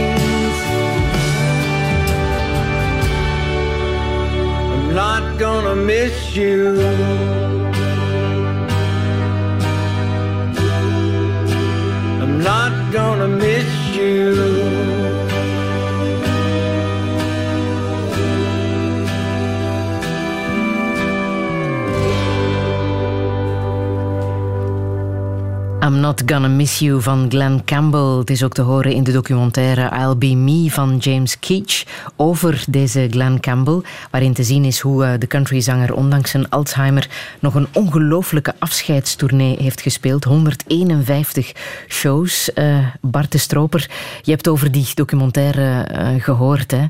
Um, prachtig om te zien dat, dat die man nog een, uh, een, een, heel fijne tijd heeft gehad, uh, zelfs met Alzheimer. Ja, dat is iets wat mij de laatste jaren ook... Dat is een van de voordelen toen dat ze mij recruteerden. Hadden ze twee commissies. Een commissie van, van wetenschappers en, en, en specialisten. En een commissie waar dat er uh, zorgers en, en, en mensen met de ziekte van Alzheimer aanwezig waren. En ik was toen eigenlijk echt verbaasd over de vragen die ze stelden en zo. En ik, en ik besefte toen dat dat de zuivere Alzheimer een, een, een, een, veel mildere soort. Ik, ik, denk dat die mensen vooral last hadden van vergeetachtigheid. Um, um, maar dat zij voor de rest nog een, een zeer goede functie hadden van hun hersenen. En ik denk dus als je een vroege diagnose van Alzheimer krijgt, um, dat, dat dat eigenlijk. Ja, je hebt nog, nog 10 jaar, 15 jaar uh, voor u waar dat je nog, nog allerlei zaken kunt doen, waar dat je blijft interageren met je kinderen, met je omgeving. Um, en ik denk dat als je dat op een goede manier doet, dat je, dat je toch nog een zeer kwalitatief stuk aan je leven kunt breien, met het oog van, um, er gaat een moment komen dat ik het niet meer kan, maar dan kan je ook je voorbereidingen treffen. Um, ja, die voorbereidingen kunnen op allerlei manieren uh, gezien worden. Wat zou je zelf doen als jij Alzheimer zou krijgen? Ja, ik zou proberen... Wel, het is te zien op welk stadium dat je dat, dat beseft. Maar dus ik vermoed dat ik het nogal vroeg zal weten. Ik denk dat ik dan uh, alleszins veel minder hard zou gaan werken. um, en dan uh, uh, proberen alle zaken die ik graag doe, extra te doen. Um, en ik zou me ook voorbereiden op, op het einde van mijn leven. Um, op welke wat manier? ik denk dat iedereen moet doen. Ja, ik zou toch wel een wilsbeschikking willen hebben, um, maar ik, ik, weet niet of ik dat hier nu zo op de radio moet zeggen. Um, uh, maar ik denk dat Hugo Claus bijvoorbeeld, uh, uh, die heeft dus euthanasie gepleegd. En dus die heeft de ganse problematiek rond, die, rond dat einde van het leven van die mensen eigenlijk ter, ter bespreking gebracht. Mm -hmm. Er zitten daar een heel aantal problemen, ethische problemen. Um, kun je eigenlijk als demente persoon nog, nog euthanasie vragen? Het antwoord op het ogenblik is nee. En ik denk ook dat het nee is, want je moet kunnen, kunnen, kunnen, kunnen zelf, zelf beslissen.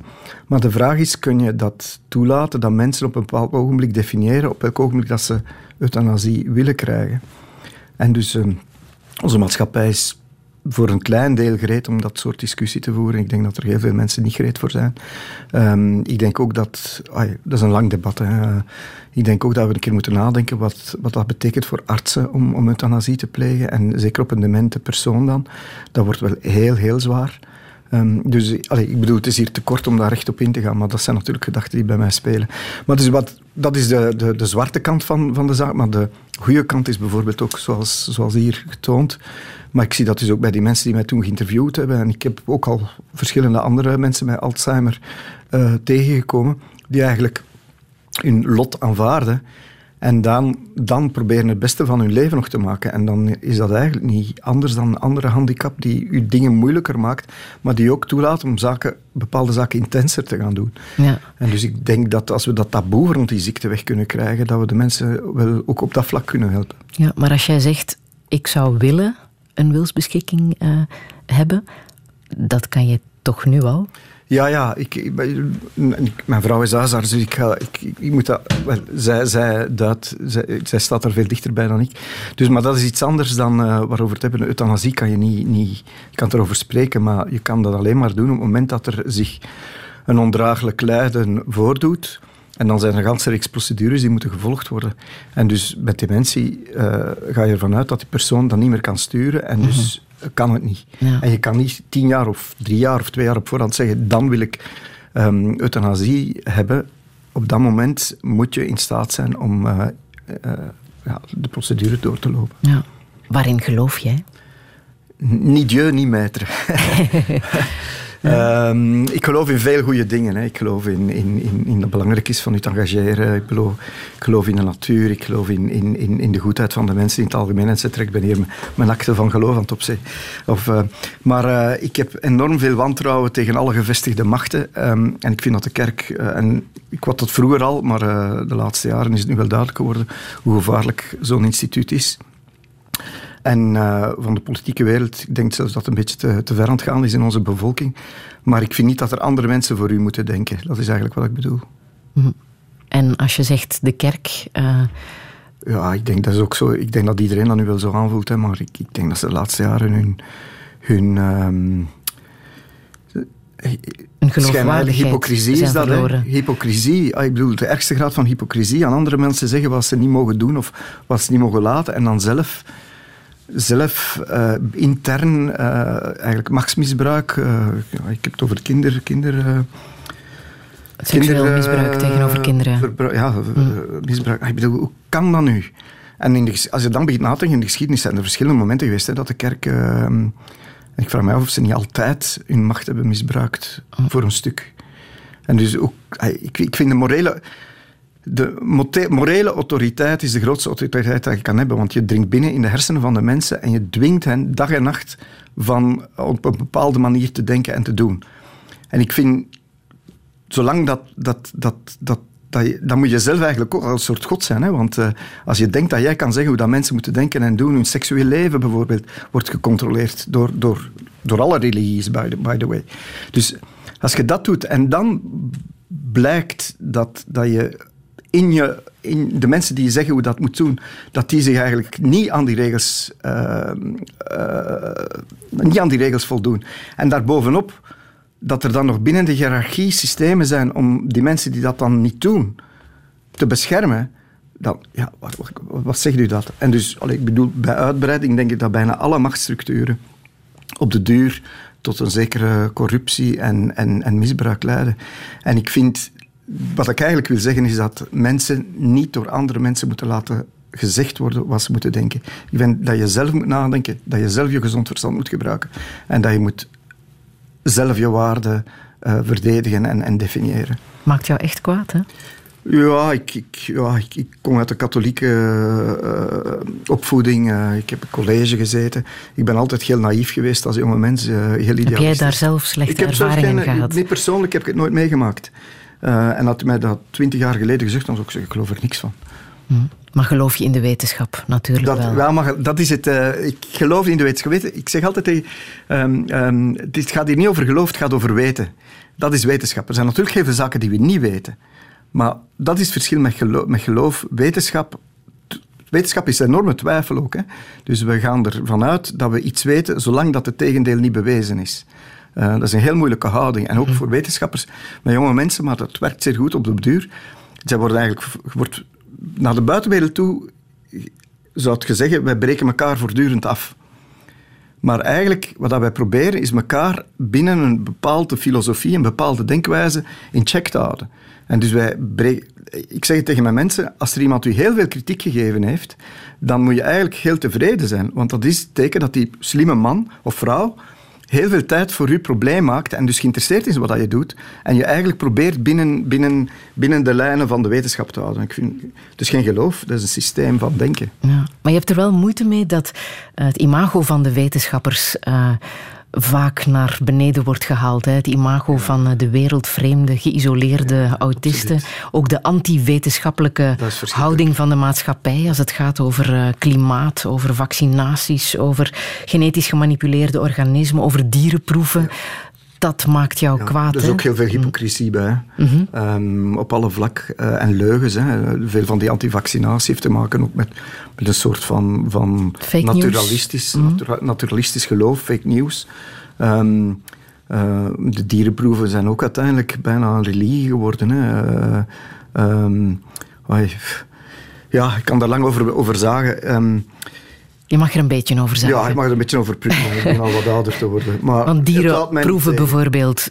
Stel dat dat echt niet zou mogen, hoe nefast zou dat zijn voor de wetenschap? Wel, ik denk dat soort medisch onderzoek, medisch onderzoek valt volledig stil, daar is geen twijfel aan. En ook, ook, ook het hersenonderzoek als dusdanig, als laar pour laar, valt volledig stil, daar is geen twijfel aan.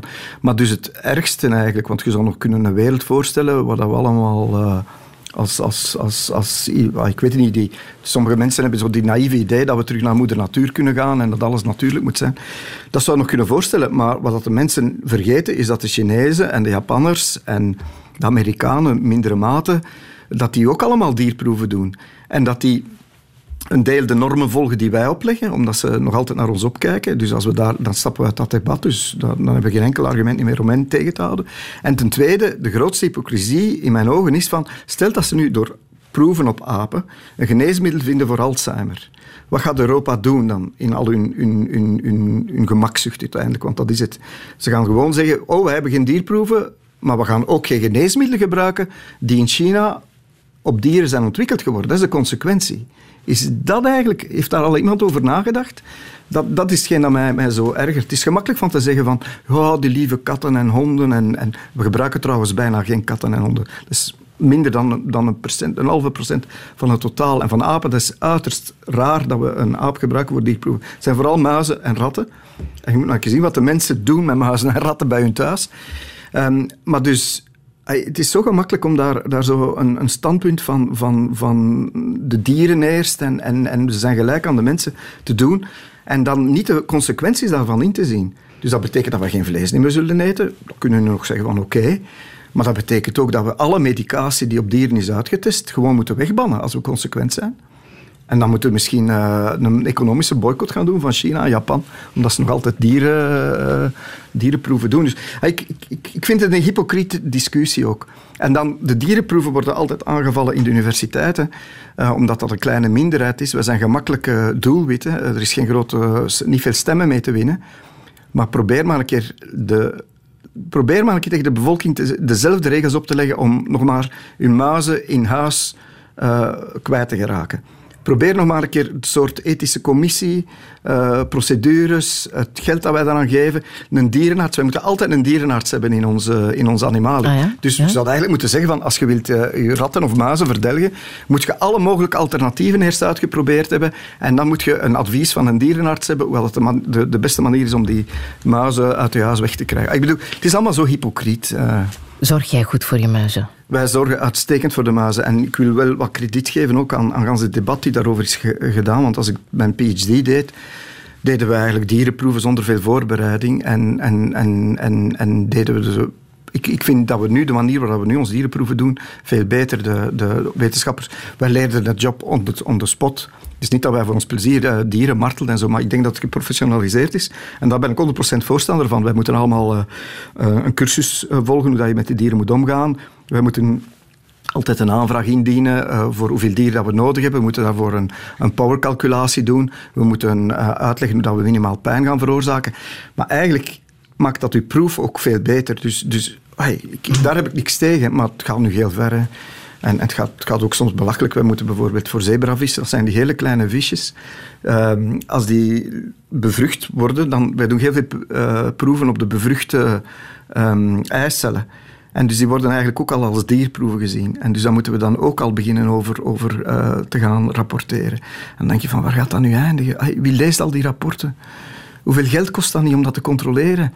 Um, waarschijnlijk zijn we hier toch wel een beetje super decadent over de beschavingsgrens aan het gaan. En zijn we ons aan het kosten. De, Europa heeft gedebatteerd voor maanden en jaren over dierenproeven. En dan op hetzelfde moment heb je honderden mensen die op de Middellandse Zee sterven als vluchtelingen. En waar ze geen enkele oplossing voor hebben. En dan denk ik van, wat, wat, wat is dat hier? Het is, toch veel, het is wel erg gemakkelijk om aan de universiteit een aantal regeltjes op te leggen. En u ondertussen dan niet met echt serieuze zaken bezig te houden.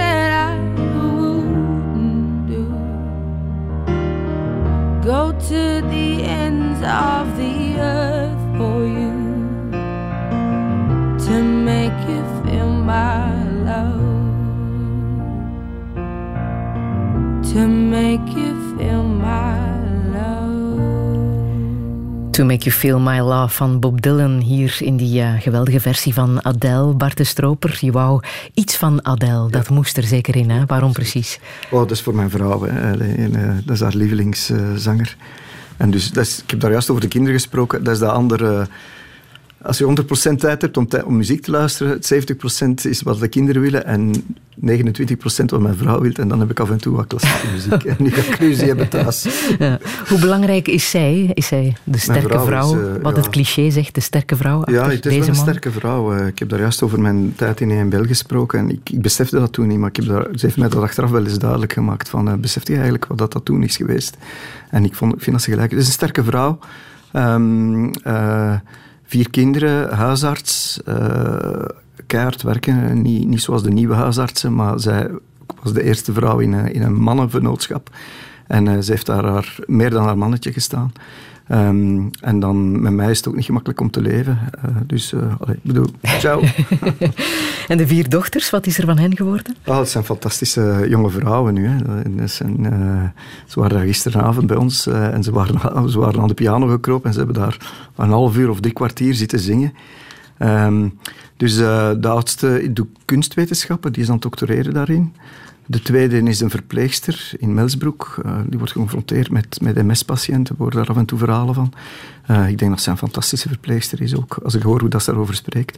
Dan ehm, Charlotte is de derde. Die heeft eh, politieke wetenschappen gedaan. En die zit nu in, ehm, in archief en, en, dergelijke. Oh, ik, denk, een fantastische sociale persoon ook. Ik denk dat, die nog, dat we nog van haar gaan horen. En dan Josephine, dat is de achterkomertje. Altijd eerst stil geweest, maar nu... Die is ook aan het studeren nu in Antwerpen. ehm, eh, literatuur en film. en ja, ik, het is fantastisch dat die aan het openbloeien is. Dus ja, wat kan ik daar meer over zeggen? eh? Een mooi, liefdevol gezin, wat je Ja, van je ja, ouders ook hebt geleerd. Ja, ja maar dus eh, wel speciaal, zo met vier dochters. Ik, ik heb dus eh, twintig jaar lang in een heel vrouwelijke omgeving gezeten. En, en ik merk dat nu, omdat er nu een aantal van die lieven binnenkomen. En af en toe wordt er nu wel weer een keer wat mannen eh, Ja. lets, eh, op de tafel gedaan. En dan voelde zo die reacties ook. Het is wel interessant. Maar ik ben zeer blij. Ik, ik vind het fantastisch. Ik heb ook altijd heel veel met vrouwen gewerkt in mijn labo. En, eh, Heeft dat invloed gehad op jou, denk je? ik denk het. Ik ben daar zo veranderd. Ja? Bijvoorbeeld, ik, ik, ik heb ook geleerd dat ik een beetje mijn manier... ah, Ik ben iemand die nogal eh, passioneel is, ook in discussie. En, ehm, en misschien soms wel een beetje te grof. En dus, eh, dat wordt dus niet genomen door mijn vrouwelijke omgeving, waar dat je bij mannen misschien daar wel iets mak- gemakkelijker mee weggeraakt. Ah. En ik denk, ik hoop het, dat ik er een klein beetje eh, beschaafder ben geworden. Dus. De liefde, wat is dat? Is dat iets Ik in weet de het niet, dat is hersenen? dat liedje hè, van... Ah ja, zeker. Daar zitten ze... Daar zit een... ehm, ik, ik- ja, ik, ik denk dat zeker de eerste verliefdheid is een, is een chemische reactie die bedoelt mannetjes bij vrouwtjes bijeen te brengen eh, om een gezin te stichten. Daar, daar moet je niet aan twijfelen. Dat is een, een diep oerinstinct. Dat, dat wil niet zeggen dat dat geen grote waarde heeft. Hè. Dat is nog iets anders. Ehm, het is ook heel eigenaardig dat iedereen denkt dat, dat, dat die keuze uniek is enzovoort. Dus maar eh, echte liefde is wat dat er dan overblijft. Hè, eh, na 10, 20, 30, 40 jaar. En dat is het liedje hè, van, van Jacques Brel en ook van, van mooi vertaald door uh, Nederlands. Ik kan nu even niet op zijn naam komen. Als liefde zoveel van, van, van Veen, als liefde zoveel jaar kan duren, dan moet het echt wel liefde zijn. Dat zie ik dus bij mijn ouders. Hè. Die zijn dus deze week nu eh ehm, het 60 jaar getrouwd. En ja, ze zijn heel oud, maar ze houden elkaar recht. En ze zijn ook nog soms tegen elkaar en zo, maar die werken samen, die doen alles samen. Genieten samen van het leven, genieten samen van hun kleinkinderen. En dus ik denk dat dat echte liefde is. Mhm. En het is denk ik ook niet voor niets dat de meest bijzondere film over Alzheimer Amour heet. De film van Haneke. Als je in die periode van een mensenleven elkaar nog kan steunen, Ja. bij elkaar kan blijven. Absoluut. Dat is, eh, dat is echte liefde natuurlijk. Hè? Dat is zo. Ja. Jij wordt volgend jaar 60, hè? Ja. Wat ga je daarmee doen? Oh, ik ben nog aan het twijfelen. Ik ben eigenlijk van plan van een heel groot feest te geven voor alle onderzoekers die ooit in mijn labo geweest zijn. Maar ik moet er eens aan beginnen organiseren, want dat gaat wel heel zwaar zijn. Ja, want je bent wel een Bourgondier, hè? Eten en drinken doe je Ja, graag. ja ik, ik geniet erg van het leven. Het is ook best dat mijn vrouw mij af en toe wat afremt, want... eh, Maar is dat wel goed voor de gezondheid? Ja, maar ik, ik denk dat er is zoveel... Ik denk dat dat ook een stukje is door onze religie, dat we, dat we denken dat, dat Ja? alles wat goed is, dat er daar een beetje zonde aan zit. Eh, ehm, ik denk mate is natuurlijk belangrijk. Hè. Alcohol, ehm, daar moet je toch wel mee voorzichtig zijn, dat is een gevaarlijke drug. Ehm, en dan roken, daar is geen twijfel aan, dat is heel duidelijk. Maar, maar dan alle andere zaken, ik denk dat je gewicht moet in, in het oog houden, dat is juist. Eh, lichaamsbeweging is goed. Maar dan, als je dan begint gedetailleerd te worden over dit is echt slecht voor je en dat niet, dat is voor bepaalde ziekten waar. Maar in het algemeen denk ik niet dat er echt veel betere raad kan gegeven worden dan gebruik je gezond verstand, afwisselend eten. Maar letterlijk, gebruik uw gezond verstand. Zorg dat het verstand in beweging blijft. Dat je actief Absoluut, absoluut. bezig blijft. Absoluut. Ja, dat je niet Absoluut. gaat uh, maar dat gaat zeer ver. hè. Sociaal interageren is volgens Mhm. mij een van de grootste manieren waarop dat je je hersenen gebruikt. Mensen denken daar niet bij. Maar bijvoorbeeld, wij zitten nu met elkaar te praten. Ik observeer hoe dat je kijkt. Ik kijk naar de, de, de gegevens die je geeft. Ondertussen eh, ehm, ook de niet- niet-verbale communicatie. Eh, ik neem u waar. Ehm, eh, ondertussen beweeg ik mijn handen. Zit ik hier. Die computer, dat is ongelooflijk wat die allemaal aan het doen is. Uw ademhaling wordt geregeld, uw, uw gastro-intestinaal systeem wordt geregeld. En de mensen beseffen dat niet, maar dus, die denken dat ze een sudoku moeten oplossen om hun hersenen aan het werk te hebben. Maar wat dat wij hier doen, is, is 100 miljoen keren moeilijker dan een sudoku oplossen. En mensen vergeten dat. Wat zou jij echt nog willen in het leven? Ik, wel, geneesmiddel voor Alzheimer, eh, het moet niet van mij komen, maar eh, als ik zou kunnen sterven met het idee van dat, dat al dat onderzoek eh, de volgende generatie van dat probleem voor een stuk verlost, dat zou wel... En denk je dat dat gaat lukken? Krijgen we Alzheimer ooit de wereld uit? Ik denk het. Het zal nooit, nooit zwart-wit zijn, zoals met geen enkele ziekte. Maar aids is natuurlijk wel een fantastisch voorbeeld, hoe ver dat we zijn kunnen gaan. En met kanker, denk ik, wat dat eigenlijk meer gelijkt op neurodegeneratie, denk ik. Eh, omdat het van binnenuit komt. Eh, maar met kanker hebben wij toch ook enorme vooruitgang gemaakt. Eh, dus natuurlijk nog... Het wordt dikwijls te optimistisch voorgesteld nu, hè. Maar... er is, en ik denk dat neurodegeneratie niet moeilijker is dan, dan kanker om, om, om het op te lossen. Moeten we streven naar eh, ja, een, een, een chronische ziekte in plaats van een dodelijke ziekte? Is dat al een, een ja, wel, het is, het is minder en- scherp dan en dat, omdat, omdat, omdat dementie u niet rechtstreeks doodt. Het, het, het leidt wel tot, tot totale aftakeling en dan kan je niet meer blijven leven. Maar het is niet zoals kanker dat u echt, echt doodt. Ehm, dus wat ik zou willen is een stabilisatie van de ziekte. Dus, eh, eh, nu is dat zo'n progressieve ziekte. Je krijgt de eerste tekenen en je weet dat je altijd, ieder jaar een beetje achteruit gaat. Moesten we nu die, die ziekte kunnen, op het moment dat we de eerste tekenen hebben, dat biochemisch proces, want dat is eigenlijk wat er, wat er aan, de, aan de grondslag ligt. Als we dat biochemisch proces kunnen stilleggen, dan gaan de mensen gestabiliseerd zijn. En zoals al zeggen, de eerste jaren van Alzheimer zijn niet noodzakelijk slechte jaren. Je gaat wat minder sterk zijn in je, in uw intellectuele capaciteiten, maar ah, je hebt toch veel overschot, denk ik. Mhm. Ga jij ooit de politiek nog in? Nee, absoluut niet. Ik, ik, ik vind het een verschrikkelijk ondankbare job. Veel te korte termijn. Ik, ik, ik heb eigenlijk medelijden met de politici tegenwoordig. Ik heb altijd veel interesse gehad voor politiek. Ehm, en ik heb daar ook wel mee gespeeld om daarin te gaan. Maar als ik zie wat een oppervlakkige, snelle circus dat dat geworden is. Ik denk als je echt, echt iets wil bereiken in politiek, ik weet niet hoe dat je het moet doen. Om de twee, drie jaar is de moet je al terug voor verkiezing opkomen. Dus alle lastige beslissingen kunnen niet genomen worden. Want een lastige beslissing geeft u maar resultaat na vijf, zes, zeven jaar. Eh, Discussie rond kernenergie bijvoorbeeld. Dat wordt allemaal beslist door regeringen die maar drie, vier jaar in stand moeten gehouden worden. Dus die moeten met emoties rekening houden. Als je over kernenergie denkt, moet je wel eerst goed begrijpen wat dat is, wat dat de problemen zijn en wat de alternatieven zijn. Men is eruit gestapt zonder over de alternatieven na te denken. En dus ik denk dat voor politici die daar wel over denken, want er zijn heel veel verstandige politici, die kunnen dat gewoon niet verkocht krijgen binnen die verkiezingen die om de drie, vier jaar, twee jaar soms plaatsvinden. Dus ik Maar je maakt je heel erg zorgen over het gebrek aan leiderschap. Hè? Ja, dus eh, ik denk dat dat het grootste probleem is. Denk dat de brexit daarvan een voorbeeld is. Ik denk Europa heeft een enorm gebrek aan iemand die... Twintig jaar geleden hadden mensen die echt wisten waar ze naar, met Europa wilden naartoe gaan. Die mensen komen niet meer aan bod. En wat ik denk is dat veel van het leiderschap nu naar, die, naar de business gaat, naar, naar, naar, naar CEO's en zo. En eigenlijk daar is het enige wat nog drijft geld. En ik denk dat als je wilt iets doen aan de maatschappij, is geld een middel. Dat kan geen doel zijn. En de andere kant, de politieke wereld, waar ik denk dat, dat, dat het idealisme een grotere rol moet spelen, dat is zo korte termijn geworden dat het, dat het geen strategie kan ontwikkelen. En dus onze lange termijn strategieën worden door de industrie bepaald. En onze korte termijn strategieën worden door emoties en de, de wind van de dag, of, of het gemeur van de dag bepaald. En de enige manier om daar iets op te doen is, is leiderschap. Maar dus, we hebben nu een, een bijna contradictie, want de ganse maatschappij ondermijnt leiderschap. De hele hesjes, ehm, de brexiteers, eh, hier de populistische stemmers zeggen, er is niemand die de dingen beter weet dan iemand anders. Terwijl dat er duidelijke dingen zijn. Ik weet veel meer over Alzheimer dan gelijk wie die ik in het café tegenkom. Dan, eh, moet je niet aan twijfelen. Dat is een ander onderwerp waar ik niet meer, meer over weet. Maar dat soort boodschap. Ik denk dat een politieker zou moeten kunnen zeggen: mensen, ik ben daar nu al twintig jaar mee bezig. Die een brexit, dat is gewoon een ramp, daarom en daarom. En dan gaat hij moeilijke woorden moeten gebruiken. En dan denk je dat het aan de journalisten is om die daarom en daarom nog een keer opnieuw uit te leggen. Maar dan laten ze aan het woord een of andere emotionele persoon die zegt: die, Europa, het is daardoor dat ik hier geen werk heb en dat ik mijn patatten niet kan, kan, kan, kan geoogst krijgen. En dan krijgt hij evenveel tijd door de journalisten als die, die, die, die, die expert die, die eigenlijk al twintig jaar met dat probleem bezig is. Het is, het is. We zitten in een zeer grote culturele crisis hier in het Westen. Welke boodschap wil je nog meegeven? Ik, wow, ik denk dat het altijd beter kan. eh, dat is mijn wet- wetenschap is eigenlijk een fantastische filosofie. Hè, want bijvoorbeeld vrijdag, we zijn nu al een jaar aan het werken om een bepaald experiment in orde te krijgen. Ehm, en vrijdag zegt de postdoc die daarop werkt, Bart, ik heb goed nieuws voor u. Dus ik word natuurlijk zenuwachtig, ik wil dat zo rap mogelijk weten.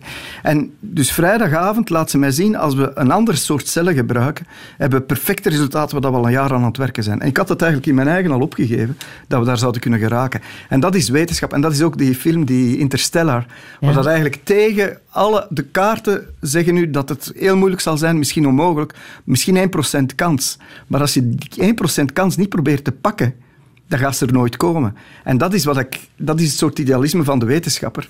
En dat is ook hoe dat de wereld vooruit is gegaan. Daar ga jij voor, hè? Ja. Voor die ene procent. Ja, absoluut. Ja. Zullen we nog eh, eindigen met Angelo Branduardi? Dat is heel vriendelijk. Ja, waarom precies? wij kennen elkaar al heel lang en eh, ze was toen 14 of 15. Ehm, en dat was de muziek waar dat zij naar luisterde. En ja, ik luisterde nooit naar, naar populaire muziek en dan vond ik dat natuurlijk fantastisch.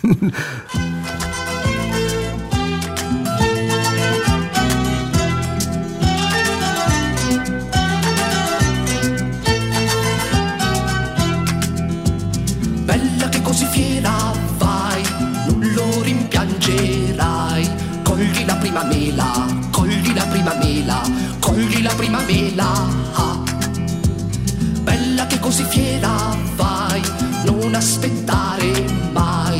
Cogli la prima mela, cogli la prima mela, cogli la prima mela. Ah. Danzala la vita tua al ritmo del tempo che va ridila la tua allegria, cogli la prima mela, danzala la vita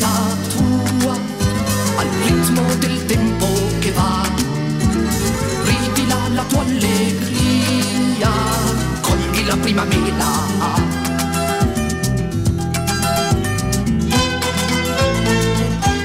Angelo Branduardi en Collier La Prima Mela. Ik wil jou bedanken, Bart de Stroper, voor dit uh, zeer interessante gesprek. Alle info is zometeen na te lezen op radio1.be. Daar kan je ook podcasten en onze Spotify-lijst vinden. En volgende week zit hier Johan Swinnen. Herbeluister Touché via de podcast, de Radio 1-app en radio1.be. Touché.